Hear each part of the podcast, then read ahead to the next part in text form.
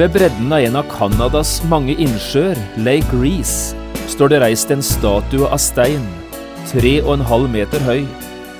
På statuen står det inngravert et navn og et årstall. Josef Skriven 1820 til 1886. Rett under står det skrevet et dikt som begynner slik. Hvilken venn de har i Jesus. Du kjenner disse ordene, gjør du ikke?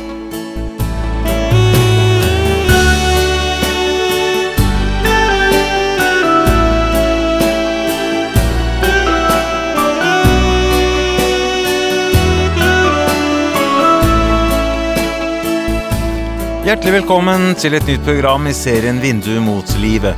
Programmet er produsert av Kristen Riksradio og blir ledet av Jon Hardang. Kristen Riksradio drives av frivillige gaver. Vi er glade for din støtte.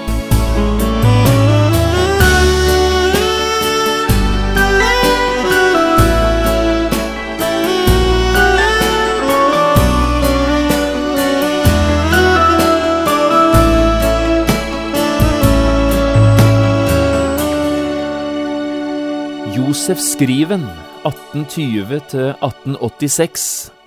Slik sto det altså skrevet på den store steinstatuen ved innsjøen Lake Reece borte i Canada. Josef Skriven var født i 1820, i Irland. Han var en aktiv kristen og tok utdanning som lærer. Som ganske ung ble Josef glad i ei jente, også hun en aktiv kristen. Og disse to bestemte seg for å gifte seg. Og begge var de enige om at uansett hva som møtte dem av vanskelige ting i livet, så skulle de gå til Gud i bønn med alle ting. Josef Skriven var 21 år gammel da bryllupet skulle stå. Dagen før selve bryllupet var den unge jenta ute på sjøen i en båt sammen med noen gode venner. Midt ute på sjøen ble de overrasket av et forferdelig uvær, og i en kastevind gikk båten rundt, og den unge jenta druknet. Før uværet satt inn, skal denne jenta blant annet ha sagt, Tenk at dette er siste gangen jeg er ute og seiler, før jeg skal stå brud. Og så skulle det altså bli bryllup i himmelen i stedet for bryllup i Irland. Denne tragedien gikk hardt inn på Josef Skriven, men han prøvde å praktisere det som han og hans forlovede var blitt enige om. Uansett hva som skjer, vi vil gå til Gud i bønn med alle ting. På en måte kom nok Josef Skriven seg gjennom dette som var skjedd, men livet ble ikke lett. Han maktet etter hvert ikke å bli boende i Irland, og tre år etter ulykken reiste han over til Canada. Her livnærte han seg som lærer, og utenom dette brukte han både tid og krefter på å hjelpe fattige og trengende mennesker. Med mat og ved, med praktisk arbeid, med hjelp og støtte. Historien om Josef Skriven forteller også om hans mor, som ofte var i mørket på grunn av depresjoner og andre psykiske vanskeligheter. Det var i en slik periode at Josef Skriven skrev diktet til sin mor, en sang, for om mulig å komme sin hardt prøvede mor til hjelp gjennom disse ordene. Og denne sangen handler nettopp om å gå til Gud med sine vanskeligheter, og legge alt over på Han i bønn. Det er dette diktet som står skrevet på steinstatuen ved Lake Reece. et dikt på tre vers. Det starter slik, What a friend we have in Jesus. Også i Norge kjenner vi dette diktet godt. Josef Skrivens sang er blant de mest brukte i mange kristne forsamlinger i vårt land den dag i dag. Hvilken venn vi har i Jesus, synger vi på norsk. I disse tre versene er det som vi hører ekkoet av Josef Skrivens egne livserfaringer, tragedien som skjedde da han mistet sin forlovede, og den belastningen det var å leve i et hus med en nedstemt og nervesyk mor. Men i sangen møter vi også Josef Skrivens kloke og gode råd. Gå til Gud i bønn med alle ting. Jeg har lyst vi skal sitere det første verset av denne sangen. Hvilken venn vi har i Jesus, alt han vet og alt formår. Tyngste byrde han oss letter, når i bønn til han vi går. Akk, men titt vår fred forstyrres, sorg og møye blir vår lønn, blott fordi vi ikke bringer alle ting til ham i bønn. I 1886 ble Josef Skriven funnet druknet i Lake Reece. Han var bare 66 år gammel. Ingen vet hvordan det gikk til at den irske læreren døde. Men sangen den eneste sangen vi har igjen etter Josef-skriven, den lever etter han, og den synges fortsatt over hele verden. I det andre verset av denne sangen lyder det slik. Blir du fristet eller prøvet, synes livets kamp deg hår. Aldri skal du miste motet når i bønn til Gud du går. Selv om kjærest venn deg svikter, Aldri svikter deg Guds sønn. Han alene deg kan trøste. Tal til ham om alt i bønn.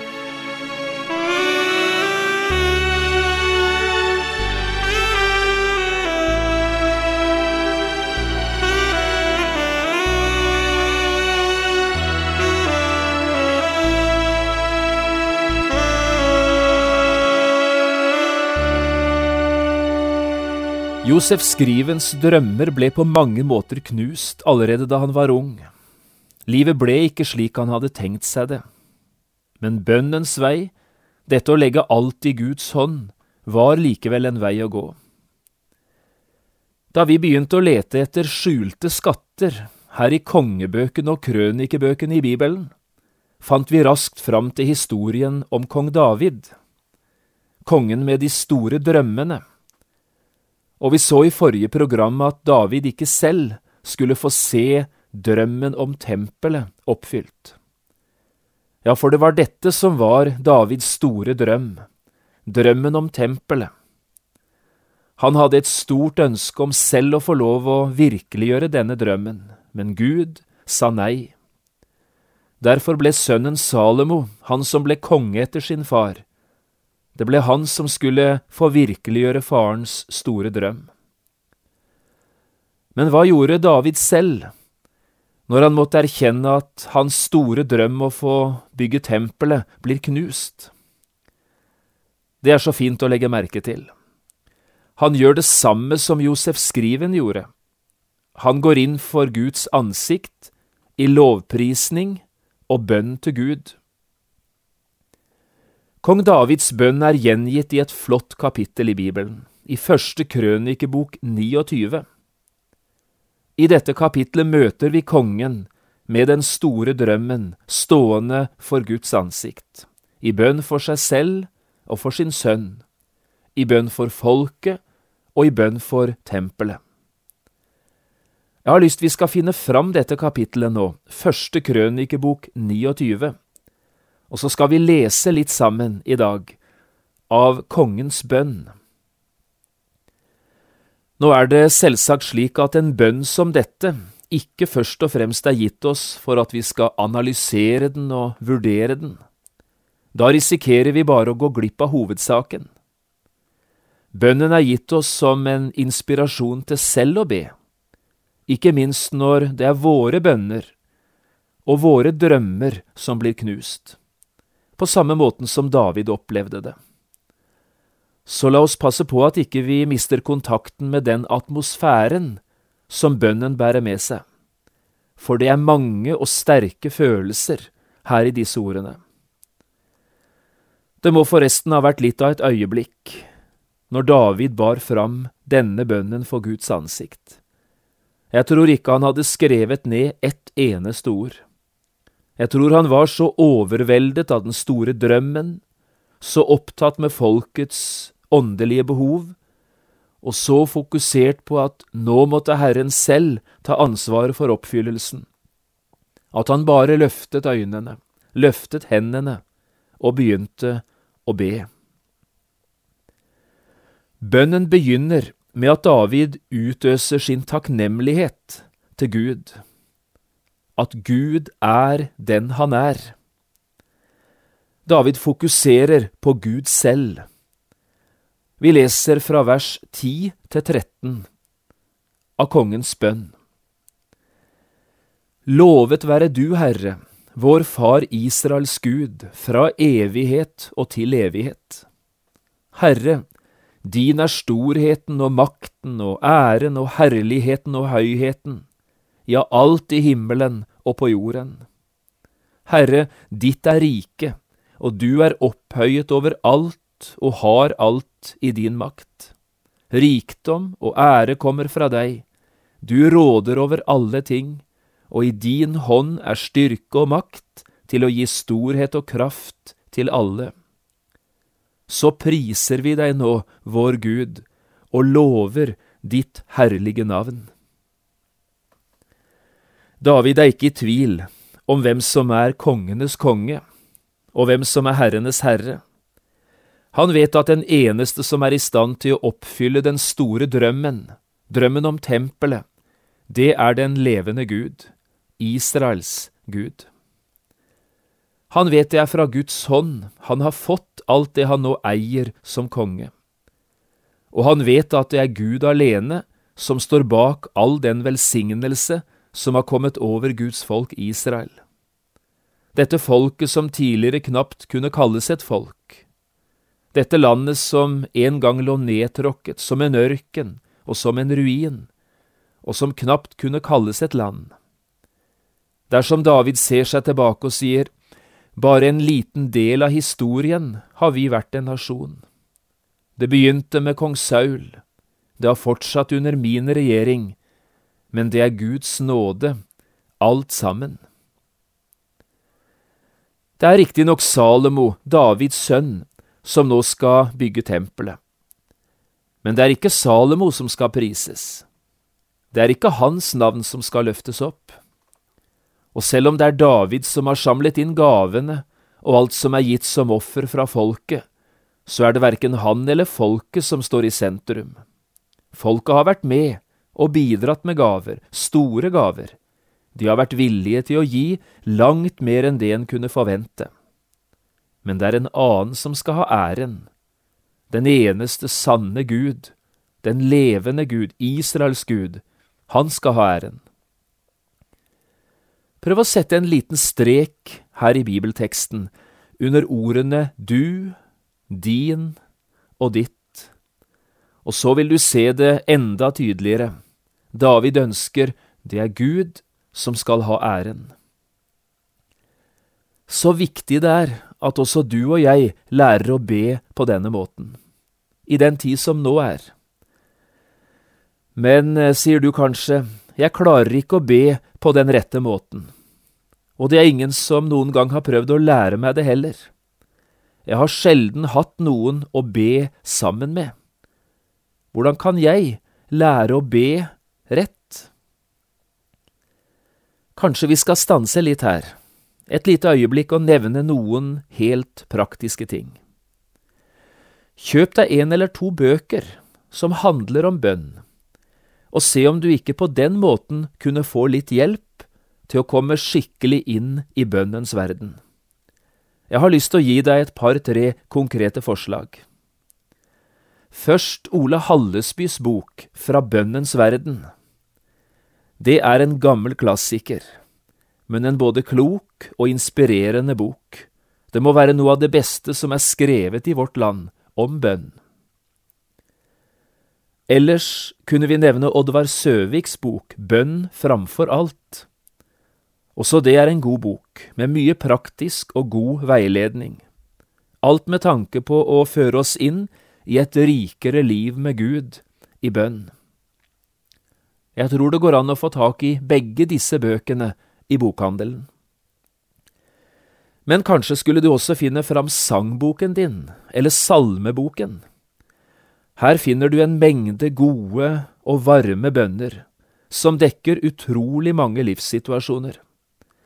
Kanskje du rett og slett skulle begynne å bruke sangboken eller salmeboken som din bønnebok, der du ber de ulike salmene eller sangene vers for vers. Kombinerer du det med en dose daglig bibellesning, så skal du bare se hva som begynner å skje. Og så har vi selvsagt den store og flotte salmeboken i Bibelen, Salmenes bok med 150 salmer skrevet ned av forskjellige mennesker i ulike livssituasjoner. Her finner du salmer du kan be, uansett hvilken livssituasjon du måtte befinne deg i. Hvis vi skal være ærlige, så er det jo ikke alle av oss som er like spontane, like kreative eller like flinke med ord. En del mennesker er som et oppkomme av tanker og ord, og de former på så fin måte lovprisningen og bønnen. Men andre er mer slike A4-typer. Det blir de samme ordene hver gang, det samme tonefallet og de samme setningene når de skal be. Jeg tror det er viktig at vi prøver å være slik vi er, og heller gjøre bruk av de hjelpemidlene vi måtte trenge. På den måten kan bønnelivet bli både rikere, lysere og bedre, og det tror jeg ærlig talt vi kan trenge, noen hver av oss. Det andre David så tar fram i sin bønn, det er takknemligheten for Guds omsorg.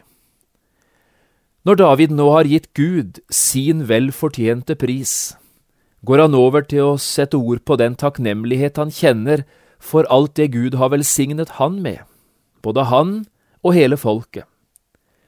Når vi nå leser videre i Davids bønn, skal vi oppdage at det skjer et slags klimaskifte i bønnen. Så lenge David lovpriser, er alt rettet inn på Gud selv. Det er Gud vi priser, ikke oss selv. Men når bønnen går over i takknemlighet og forbønn, da kommer vi selv mye mer inn i bildet. Nå møter vi plutselig ord som jeg, meg, vi og oss. La oss prøve å lese vers 14 til 17. Hvem er vel jeg, og hva er mitt folk, at vi skulle være i stand til å gi en frivillig gave som denne? Fra deg kommer det alt sammen, og av det som din hånd har gitt oss, har vi gitt deg. For vi er fremmede for ditt åsyn og gjester som alle våre fedre. Som en skygge er alle våre dager på jorden, og uten håp.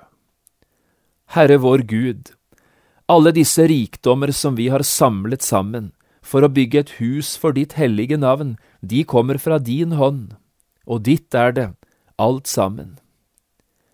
Jeg vet, min Gud, at du ransaker hjerter og har behag i oppriktighet.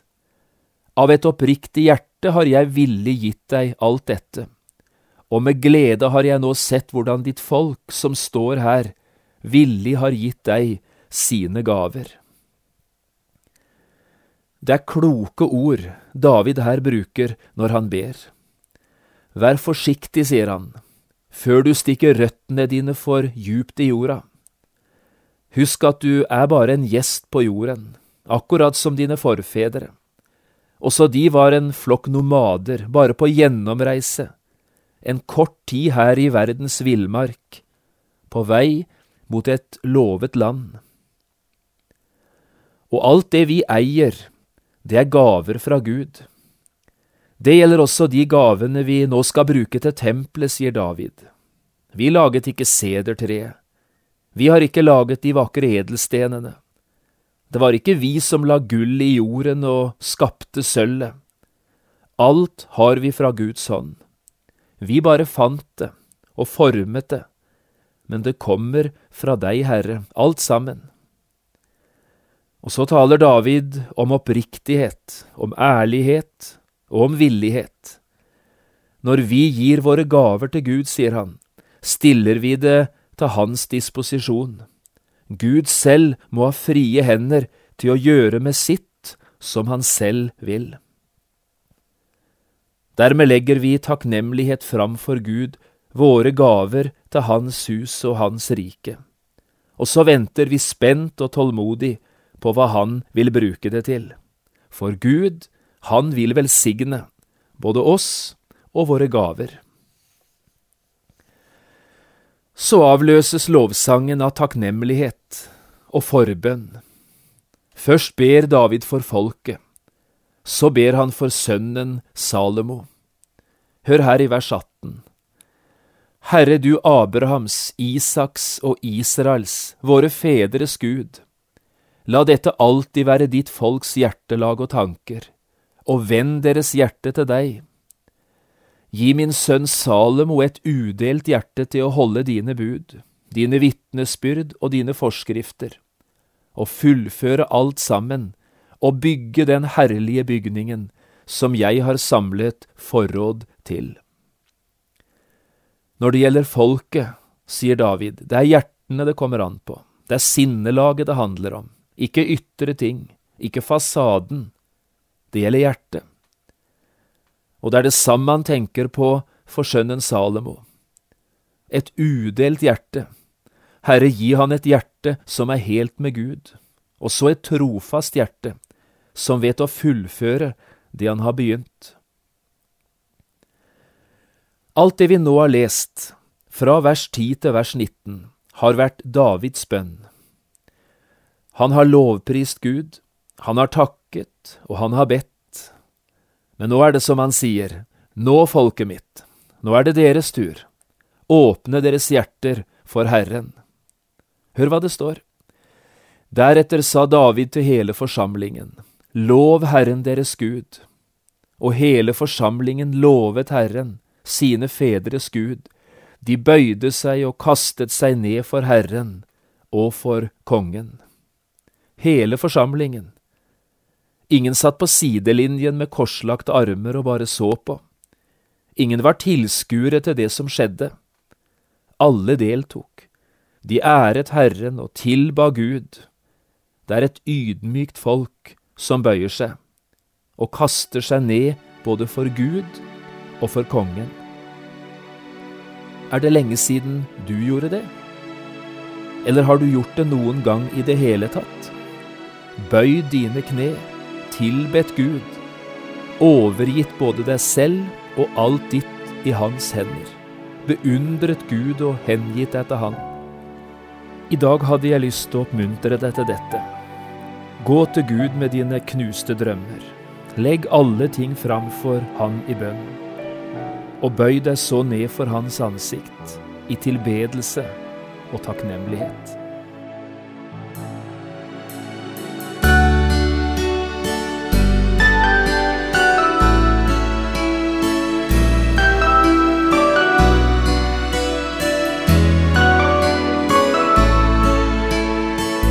Du har lyttet til programmet serien Vindu mot livet med John Hardang. Programmene i denne serien kan også kjøpes på CD fra Kristen Riksradio, eller høres på internett på p7.no. Har du spørsmål eller kommentarer til det du nå har hørt, kan du ta kontakt med oss. Adressen er Kristen Riksradio, Skiene 2, 5353 Straume, eller send en e-post vml alfakrøll p7.no. Takk for i dag, og på gjenhør.